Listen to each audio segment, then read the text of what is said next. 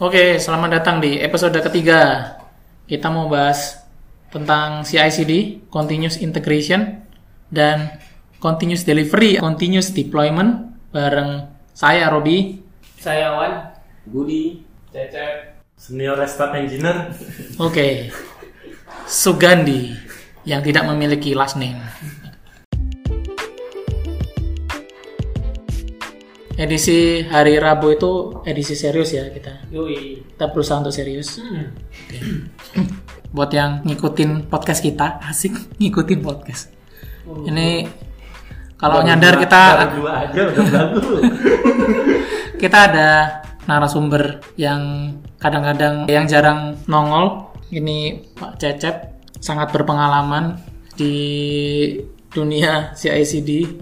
Mungkin gua tanya ke Cecep dulu, menurut lu continuous integration itu apa? kalau di apa namanya di dunia software development kalau kita mengadopsi namanya agile uh, methodology atau DevOps culture kayak gitu jadi CI/CD ini adalah salah satu komponen terpenting dari itu karena waktu kita menerapkan agile ataupun de- DevOps culture kayak gitu ada satu prinsip yang paling penting di sana adalah uh, fast feedback. Hmm. Nah, jadi kalau kita pingin lakukan fast feed- feedback gitu kan, kita pingin segera kalau kita bikin sesuatu, kita pingin langsung dapat hasilnya ini apakah benar atau salah gitu, tesnya benar atau salah, kita harus mengeliminasi semua hal yang ada intervensi dari manusianya gitu. Jadi kalau apa pun yang ada intervensi dari manusianya ada cep- pasti lebih lambat. Nah, CI/CD itu ya intinya tools untuk mempercepat itu semua lah. gitu. Reset engineer. continuous integration aja dulu. Menurut lo apa? Selama ini Continuous integration. Boleh sedikit ini nggak buat filosofis. Boleh lah, boleh. Bebas. Boleh, bebas. Ini negara merdeka, Pak. Hmm. situ pernah ngerjain pekerjaan operasional kan, maksudnya profesional Hmm. atau uh, kita semuanya ada yang sebelumnya jadi developer mungkin ada uh, situ developer saya lupa ya situ Ya, developer saya juga developer dulu kita sering um, mendevelop suatu fitur kita tes tesnya pas kita lanjut develop fitur yang lain kita tes lagi de- develop fitur tes lagi bosan nggak sih kalau dilakukan manual setiap kali buang-buang waktu nggak sih ya, ya. Nah, untuk itulah muncullah continuous integration di mana kita mengautomasikan ke keseharian kita yang emang kita selalu lakukan berulang-ulang ulang-ulang ulang-ulang ulang itu terlihat makan gaji buta. Oke. Pekerjaan yang repetitif gitu ya. ya. So, itu intinya itu aja sih. Kita mengautomasikan sesuatu yang uh, sudah menjadi rutinitas sehari-hari. Wismin yang dijelaskan nama Bapak Cecep ini Jangan Benar. bapak lah, kakak itu. Iya. Kak Cecep. agak jijik so ya kalau pendapat saya itu Ya, jadi kalau menurut saya continuous integration itu ya dari dari yang udah dia sesuai ya ada yang udah pengalaman ya dan rata-rata udah berpengalaman pakai kon- mengimplementasi continuous integrasi ini. Ya, saya setuju sama Cecep, saya setuju sama Gandhi. Sesuatu yang di saya setuju sama Robi juga. Sesu- Sesuatu yang kamu emang Rob lu ngomong apaan Rob? Belum, belum. repetitif, Repetitif, repetitif. Ya, Bagian repetitifnya. repetitif, ya kan? Sesuatu yang kamu lakukan berulang-ulang ya kamu coba mengintegrasikannya ke multiple environment. Daripada kamu harus tes itu di, di laptop kamu mending kamu letakkan dia di dalam proses. Nah proses continuous mengintegrasikan ini atau running test ini atau melakukan deployment ke atau meng- mengintegrasikan eh, apa namanya ya selain tes kamu juga bisa deploy ke integration atau ke staging kan? Nah Betul. itu itu adalah proses buat jadinya otomatisasi mengotomatisasi benda-benda itu kalau menurut saya sih kalau ditanya sama saya continuous integration itu apa saya jawabnya adalah proses Nih, yang bawa acara boleh memberikan opini kan? boleh boleh lah boleh lah kamu nanya Budi dulu Oh iya. Menurut Budi apa Budi? Kok kalau situ kejam sih kepada Budi. Dari tadi main PUBG, Pak. Luar biasa. saya, saya baru di dunia CICD jadi ekspektasinya kalau maksudnya eh, kalau dari nama ya eh, kita melakukan eh, pengembangan apa itu eh, tanpa harus ada eh, namanya aja continuous ya jadi nggak ada interaksi atau apa Intervensi itu manusia. iya ya mungkin itu maksudnya ya Itu bisa macam-macam kan. Bisa macam-macam. Jadi kalau yang saya lihat ya ini karena jarang ada di area deployment. Sebenarnya eh, continuous integration itu seperti sebuah kayak practice, sebuah penerapan di mana developer bisa integrate eh, code yang dia kerjakan hari itu, entah mungkin satu satu hari lebih dari sekali ke mainline dari source controlnya dites dan integrate dengan uh, pekerjaan-pekerjaan dari mungkin developer lain. Gitu. Nah, orang kan sering bilang CI/CD nih, CD-nya itu bisa deployment, bisa juga delivery. Ini hal yang terpisah. ya. Kita bahas ini dulu deh, uh, continuous delivery. Karena kalau continuous deployment itu terlalu sesuai dengan namanya berarti ya, lu mau deploy ke setiap environment itu semudah mungkin ya dengan state ya se- secep- semudah mungkin secepat mungkin. Nah, kalau continuous delivery menurut kakak Cecep apa ya? Wah, nggak tahu ya kalau secara definisi apa ya tentang Bentar, saya Google dulu ya. continuous delivery delivery itu apa? Dari praktis aja. Dari pengalaman kita aja kali. Mungkin ya agak-agak mungkin ini mungkin nggak nggak nggak begitu benar ya itu secara definisinya. Jadi continuous delivery itu lebih ke deliver misalkan kita akan mendeliver suatu fitur baru atau nge-bug fix suatu bug fix misalkan ya. Eh, tapi karena sebelumnya itu kan ada CI-nya. Hmm. Yang terpenting dari CI itu kan ada sebenarnya tes gitu kan. Jadi Betul. apa yang kita masukkan ke situ dengan adanya CI sebelumnya, kita memastikan bahwa dia tidak akan mengganggu existing implementation. Jadi Hmm. istilahnya regression testingnya pas gitu lah ya. Oke, oke. Nah, waktu delivery-nya itu ya delivery ya fitur barunya itu delivery dari eh, bug fixing-nya kalau ada bug fixing-nya. Sebenarnya Itu ini eh, secara secara singkat ya bisa dibilang continuous delivery itu eh, memastikan code-nya in state bahwa ini state-nya siap untuk di deliver ya. ya, Benar, benar. Sederhananya begitu ya. ya kira-kira begitu. Mungkin dilihat dari latar belakang awalnya dulu kan sebelum ada CI/CD ketika orang pengen deploy ke production siapa yang melakukan kayak yang Gandhi tadi bilang kan dia ngetes dulu di laptopnya terus habis di habis dites di laptopnya dia minta uh, seorang quality assurance untuk ngetes lagi aplikasinya secara manual lalu habis itu di diintegrate manual ke dalam production atau diminta sys- sysopnya buat naikin ke Ya, environment diminta- testing Benar, diminta sysopnya dulu ke environment testing. Nah, ini banyak sebenarnya hal-hal yang ngeblocking atau pekerjaan repetitif yang kayak Robi bilang tadi, pekerjaan yang berulang-ulang yang sebenarnya bisa diotomatisasi kalau kita mengimplement continuous integration sama continuous deployment gitu. Selain fast feedback, apa sih manfaat lain dari implementasi continuous integration? Oke, mungkin ini uh, aku jawab dulu nih ya. Jadi yang terpenting adalah gini, kita bisa mendeteksi bugs lebih awal. Hmm. Karena cost dari bugs itu semakin lanjut ke ujung, semakin nyampe ke production, costnya itu lebih mahal. Oke. Dengan adanya CI, kita akan meminimalisir adanya bugs di production. Tentu ini ada salah apa ya? Ada salah banyak kesalahan eh, persepsi tentang CI orang pokoknya kalau udah install Jenkins CI udah ada ready. Iya. Padahal komponen terpenting itu bukan Jenkinsnya, tapi tesnya. Tesnya, benar. Tesnya yang terpenting itu bukan Jenkinsnya. Jenkins cuma tools saja. Jadi tesnya orang-orangnya yang komitmen terhadap itunya itu yang lebih penting. Nah jadi proses CI ini akan mengurangi bugs itu nyampe ke production. Bahkan yang lebih bagus adalah sebelum di commit di tes di CI, tes dulu di lokal karena kalau udah nyampe ke CI, costnya lebih lebih besar. Ya. Ya, benar. Efeknya ke satu tim, tapi kalau dia tes dulu di lokal, efeknya ke dia doang. minimal yang ya Unit, kurang kurang titik koma kayak gitu bisa dihindari lah gitu Ya. Oke. ya itu sih ini Saya mendapat suatu pelajaran berharga dari kakak Cecep ini bahwa jika anda tahu Jenkins, anda tahu si ICD. Ah, proses ya kalau menurut saya penting dites di lokal kan pakai. Jadi unit test itu harusnya memang dites di lokal. Karena mostly adalah unit test yang memang dilakukan di lokal nanti setelah di commit di push diambil sama Jenkins lalu di tesnya tesnya udah levelnya integrasi integrasi tes ada banyak tes yang lain juga sih sebenarnya.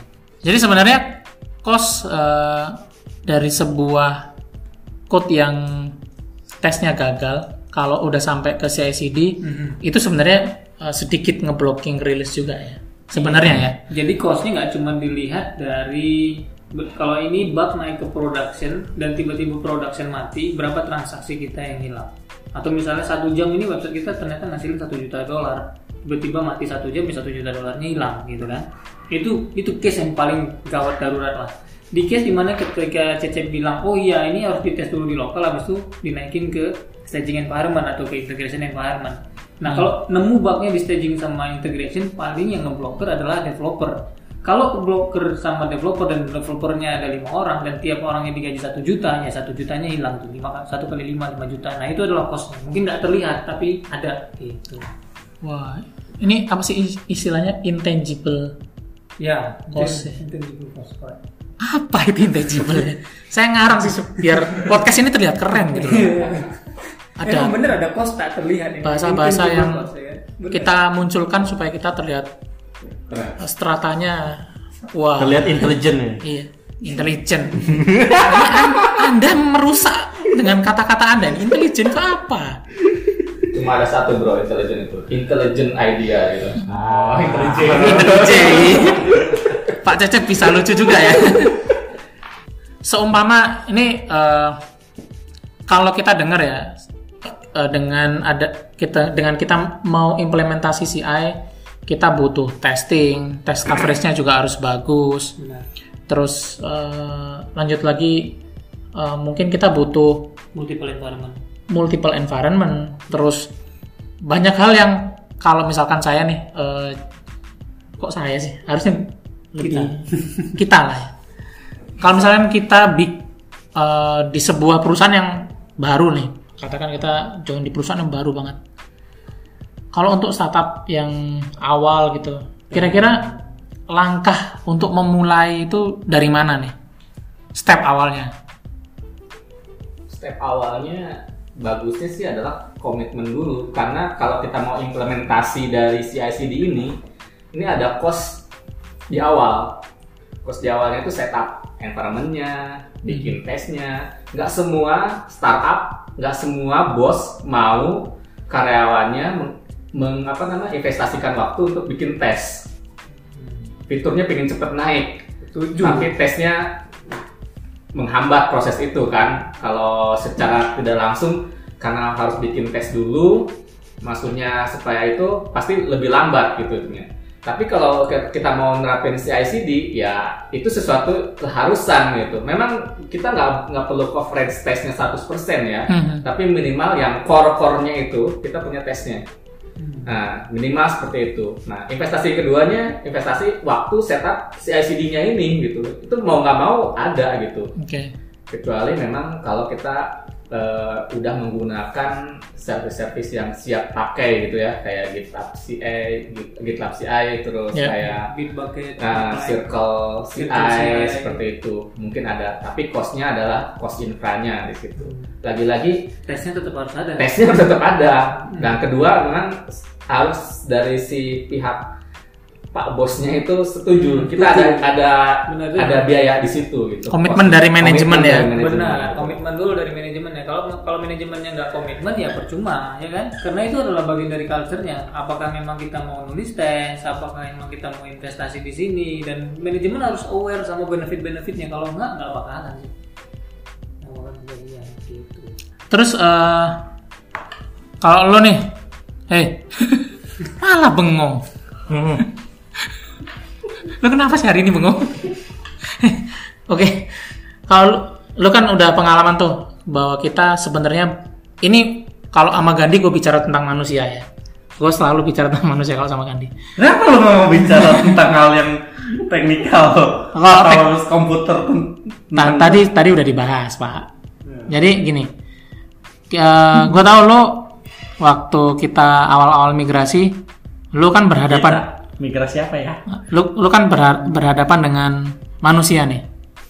Jadi banyak ya developer, test engineer yang mungkin di pekerjaan sebelumnya udah biasa sebenarnya sama sama continuous integration tapi nggak biasa dengan let's automated testing bahkan gue pernah dengar eh, celetukan test engineer yang wah kalau di ini di automated gue kehilangan pekerjaan dong. Nah, bisa dijelasin nggak? Apa yang lu eh, lihat dari pengalaman lu menghadapi manusia-manusia ini? Eh, pertama-tama itu kita tunjukin dulu. Kita kasih suatu example. Kok gue jadi serius ya? ya nggak apa-apa. Harus serius lah. Oh harus serius ya? Rabu harus serius jadi pertama itu kita itu harus eh, kasih example contoh eh, yang udah jadinya dulu. Maksudnya kita tunjukin sama mereka oh ini udah jadinya. Ini eh, kita jelasin kepada mereka. Tunjukin sama mereka bagaimana ini membantu pekerjaan mereka. Oke. Mereka, mereka bakal berpikir bahwa oh pekerjaan gua udah di automated. Terus gua ngapain? Gua ngapain? Benar pertanyaan itu muncul. Banyak yang muncul banyak yang bilang. Terutama test engineer pasti. Hmm. kalau developer mereka agak sedikit eh, setengah worry kayaknya. Karena cuma testingnya mereka doang. Maksudnya mereka harus writing test. Ya, ya. worry-nya itu mereka su- Nulis eh, tes. nulis tes dan mereka hanya boleh deploy setelah tesnya berhasil. Mereka worry-nya itu. Tapi mari kita ke scope yang test engineer dulu worry-nya adalah mereka kehilangan pekerjaan. Nah, kita eh, yakinkan pada mereka bahwa pekerjaan mereka akan berubah dari ngetes. Dari Selama mereka nge- ngetes ini sebenarnya apa sih yang mereka lakukan? Mereka harus mencari apa yang dites kan. Mhm. Pekerjaan itu sama. Mereka mencari apa yang bisa dites dan taruh tes itu di, menjadi automated test yang uh, berjalan automat automatic. Yang tadinya- terintegrasi dengan Oke. dengan proses. So, apakah tes ini muncul tiba-tiba? Tidak. pasti dibuat Siapa yang um, apa namanya mencari tes baru ini? Kalian. Iya, iya. Jadi dibilang kalian kehilangan pekerjaan? Tidak. Malah pekerjaan kalian lebih mudah. Ya. pekerjaannya berevolusi Jadi eh, malah jadi valuable ya. malah jadi valuable. Dan Oke. sekarang lebih trackingable karena dikomit dalam kode ya kan? Betul, betul. dan enaknya lagi kalau tesnya banyak ada 5000 tes gitu. Yang selama ini misalnya 5000 tes mereka ngelakuinnya manual butuh waktu setengah hari. Kalau ini dibuat jadi otomatisasi dan sebagai kode 5000 tes mungkin bisa dilakukan dalam waktu 15 menit.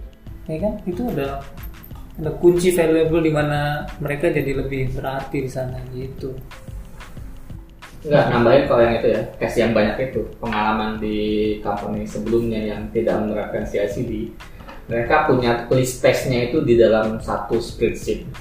Tes, case tes, case tes, case kayak gitu. Jadi kalau mereka bikin tes case satu fitur baru, misalkan ada 100 test case misalkan, karena ini nggak nggak otomatis ya, dan dikejar waktu, mereka akan pilih tes yang kira-kira menurut perkiraan mereka ini impactnya terkait dengan fitur ini. Jadi tesnya itu nggak akan dikerjakan semua. Itu kalau manual tes. Nah, jadinya dengan adanya CI seperti ini, tesnya diotomatisasi, ya hal seperti itu bisa dihindari gitu. Karena ya tesnya udah otomatis, nggak akan dikerjakan manual lagi gitu. Walaupun di awal ya kita harus bekerja keras bikin supaya tesnya jadi otomatis. Oke. Ya, itu buat test engineer. Sedangkan kalau misalnya buat developer, mereka concern dong eh, ketika mereka harus eh, memulai apa namanya? CICD. Kita Hmm. mulai CICD kan ya.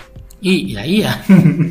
Eh, di mana mereka kan sedikit khawatir bahwa yang sebelumnya mereka te- tes di lokal biasanya ya Mhm. tes di lokal itu jalan perfect fine kasih ke production cukup sampai situ. Dan sekarang itu mereka uh, mem- membuktikan secara secara publik gitu.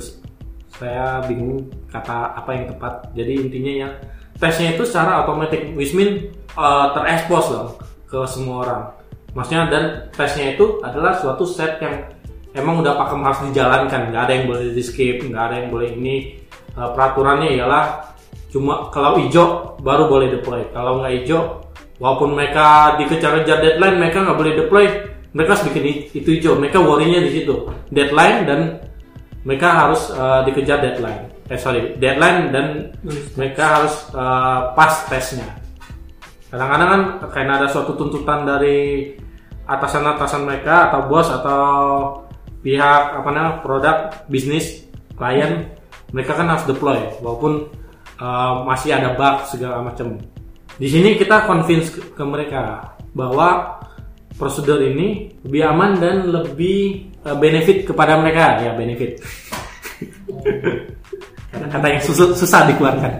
Maksud lo uh, benefit jadi, ini nah benefitnya aja ketika let's say ketika kita deploy suatu tes yang kita skip tesnya segala macam kita deploy uh, apa namanya yang tesnya yang Jenkins build buildnya merah kita deploy ke production. Nggak nggak usah diinget-inget yang mana itu. Itu terus ada kejadian isu. Menyebabkan company rugi. Terus yang disalahin siapa? Mereka mereka juga. Mereka yang dikejar-kejar. Mereka eh, siang pagi siang malam nggak tidur perbaiki itu sampai selesai. Bukan selama seminggu. Karena mereka itu udah revisi yang udah jauh-jauh banget jauh-jauh banget Jadi kalau misalkan ya kesimpulannya sih uh, kalau lo ada tes dan itu fail, kalau lo nggak perbaiki, lo biarin lo nekat deploy, makin lama makin nggak ke track. Kalau rilisnya udah jauh, jadi technical debt ya jadi technical debt, ya betul.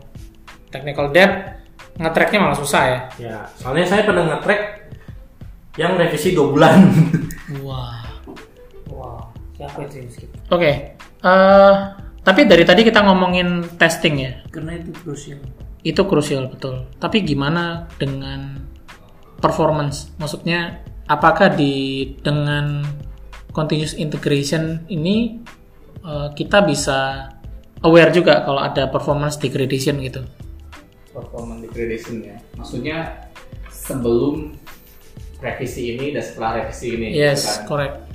Kalau CICD sih harusnya ya tergantung dari tesnya juga sih. Apakah ada tes yang mengcover itu atau enggak. Kalau Hmm. nggak ada tes yang mengcover soal metrik-metrik itu sih nggak bisa. CICD nggak akan nangkap itu. Karena environmentnya ini environment test. Bahkan kebanyakan biasanya di CICD itu lebih ke unit test integration dengan tetangga-tetangganya. Mhm. maksudnya kalau microservice ya banyak banyak tetangganya. Nah atau lebih ke fitur kalau misalkan web app UI-nya kalau di mobile client ya UI-nya eh, atau API API-nya yang kena tes kayak gitu. Kalau degradation mungkin agak susah ya nangkepnya. Kalau kita di tesnya itu nggak ada metrik yang di collect gitu. Oke. nggak ada simulasi lu tes. Jadi sebenarnya kalau di continuous integration kita butuh nggak sih sebenarnya performance test? Atau kita melakukannya by case aja gitu? Oke, itu pertanyaan sangat menarik. itu menarik banget pertanyaannya soalnya. Eh, beberapa hal yang pernah saya dapatkan feedbacknya dari test engineer sendiri ya, bukan saya jawab. Kalau test engineer bilang ada empat hal yang paling susah untuk direplicate di integration atau di staging environment. Mhm. Yang pertama adalah jumlah datanya beda antara integration sama production. Jumlah datanya beda. Yang kedua adalah behaviornya beda. Oke. Udah. Yang ketiga patternnya beda. Pattern trafficnya atau pattern datanya atau pattern cara cara simulasi ininya beda. Yang keempat itu apa saya lupa. Pokoknya ada, ada empat hal yang mereka bilang sangat sulit untuk diproduksi di integration. Di Jadi repro- ya direproduksi di integration atau di staging environment. So kalau memang mau, kalau menurut saya karena ini adalah continuous integration, harusnya ada semacam load test untuk spesial ngetes performance. ada pipeline-nya sendiri. Begitu semuanya udah green, di deploy di integration atau di deploy di staging. Kalau memang mau punya performance eh, testing, dia harus bisa memenuhi semua yang empat yang tadi saya sebutin itu tiga lah, saya tiga lah, tiga yang saya sebutin tadi. Which is emang nggak semuanya mau melakukannya karena mahal kan. Kamu harus Yeah. coba mensimulate data. Data yang ada di production kalau kamu pengen copy ke staging, kamu harus stream semua data-data penting tuh kan. Yang ya kredensial. Ya, kredensial, username, password, nomor kartu kredit, apa segala macam itu kalau ada itu Betul. harus kamu trim, kamu buang, baru kamu letakkan dia di integrasi. Itu nomor satu. Yang kedua adalah kamu harus bisa mensimulate traffic jumlahnya sama besar seperti traffic yang ada di production. Oke. Oke, ya. Terus yang ketiga adalah eh tadi apa sih? Pattern. Pattern. Ya, pattern. Pattern atau let's say behavior lah, behaviornya usernya sendiri. Kalau menurut gua sih soal yang apa namanya soal apakah It's perlu kita ada load testing apa di waktu testing itu tergantung dengan eh, target waktu kita mau li- live-nya itu. Contoh kasus ya, kalau kasusnya kita di e-commerce kita mau melakukan apa namanya eh, yang tanggal 11 11 kemarin itu apa namanya? Harbolnas. Nah, Harbolnas itu 12 12 itu. Kemarin itu single days kayak gitu model kayak gitu. Candy Itu kan- Days. itu kan kita bakal expect traffic yang memang spike berkali lipat dari traffic normal. Jadi hukumnya di situ wajib melakukan uh, stress test. Hmm. Uh, tapi uh, kalau misalkan untuk yang rutin, seba- ya mungkin harus diperkuatnya itu adalah metric after deployment. Jadi metric after deploymentnya itulah yang kita harus perkuat Hmm. nggak perlu ditesnya. Tapi kalau memang kayak kasus yang tadi itu spesial tadi, ya kita harus siapin itu tesnya karena itu suatu event yang khusus gitu. Itu sih pendapat gue. Oke. Kehilangan banyak uang ya. Beberapa melakukannya dengan cara yang berbeda sih. Beberapa perusahaan melakukannya dengan oh iya ini ada ada ada event besar nih. Mesinnya dijadiin dua kali lipat. Ya kan? Tapi saya setuju sama Cecep tadi harusnya dites memang karena kalau nggak dites ya gimana? Dengan traffic yang mereka perkirakan akan Iya, datang ya ketika itu. Belum Oke. tahu gimana. Jadi harusnya kayak kasus yang apa namanya eh, pendaftaran CPNS kayak gitu itu Wah itu. Wah. itu harusnya bisa disimulasikan sebelum itu gitu. Iya. Dengarkan pemerintah ya. Ya. Itu pasal di backup di server gitu. Iya. Kalian harus meng-hire kita sebagai konsultan. Terbukti ya. Sistem kalian bapuk. Eh, bentar, bentar, bentar, bentar. Lu mau ngerjain project pemerintah? Tidak. End of story. Oke. Enggak, gue lagi dengerin. Lu pede banget mau, mau megang pekerjaan project pemerintahan. Ya setidaknya sowan dulu datang ya kan. Tahu kan Bercakap-cakap. belakangnya kayak gimana. Bercakap-cakap ya kan. Soalnya kalau kita kerja nanti nanti saya pakai rompi kuning, Pak. rompi orange. DP dulu, DP dulu. DP dulu, pembayarannya 10 tahun lagi. Oh, iya. Tapi DP udah balik duluan. Oke. Ini terakhir nih. Kira-kira literasi apa yang kalian bisa sarankan untuk orang yang pengen belajar CI/CD? Buku yang saya baca dulu ada Jenkins Continuous Integration dari PEC. Dari TechPub. Ya, dari PEC. Yang nulis siapa? Ingat ya? nggak yang. Oke oke. Cacap. Kalau menurut gua yang mungkin secara konsepnya ya, yang DevOps handbook kayak gitu tuh, itu konsep-konsep dasarnya dulu gitu di situ. Terus kalau implementasi singkat-singkatnya ya di SRE itu kayaknya ada deh di buku ini itu. Buku SRI ya. Nah, kayaknya ada dibahas tentang tentang Ini itu itu. selanjutnya. Nah. Ada yang di buku Ada ada dua kan yang ini tuh. Ada SRE. SRI sama Nah. Nah itu. Edisi pertama ya. Jadi sebenarnya tiga buku itu sebetulnya udah bisa jadi bikin real DevOps gitu. DevOps Handbook itu bagus bukunya. Ini mau ngomongin apa ya? Maaf ya, tolong saya ketinggalan acara. Lid, kalau misalkan eh, ini di luar sana ada yang pengen belajar soal CI/CD, literasi apa yang bisa dibaca? Buku atau website atau apalah? Oh, saya nggak punya referensi. Maaf.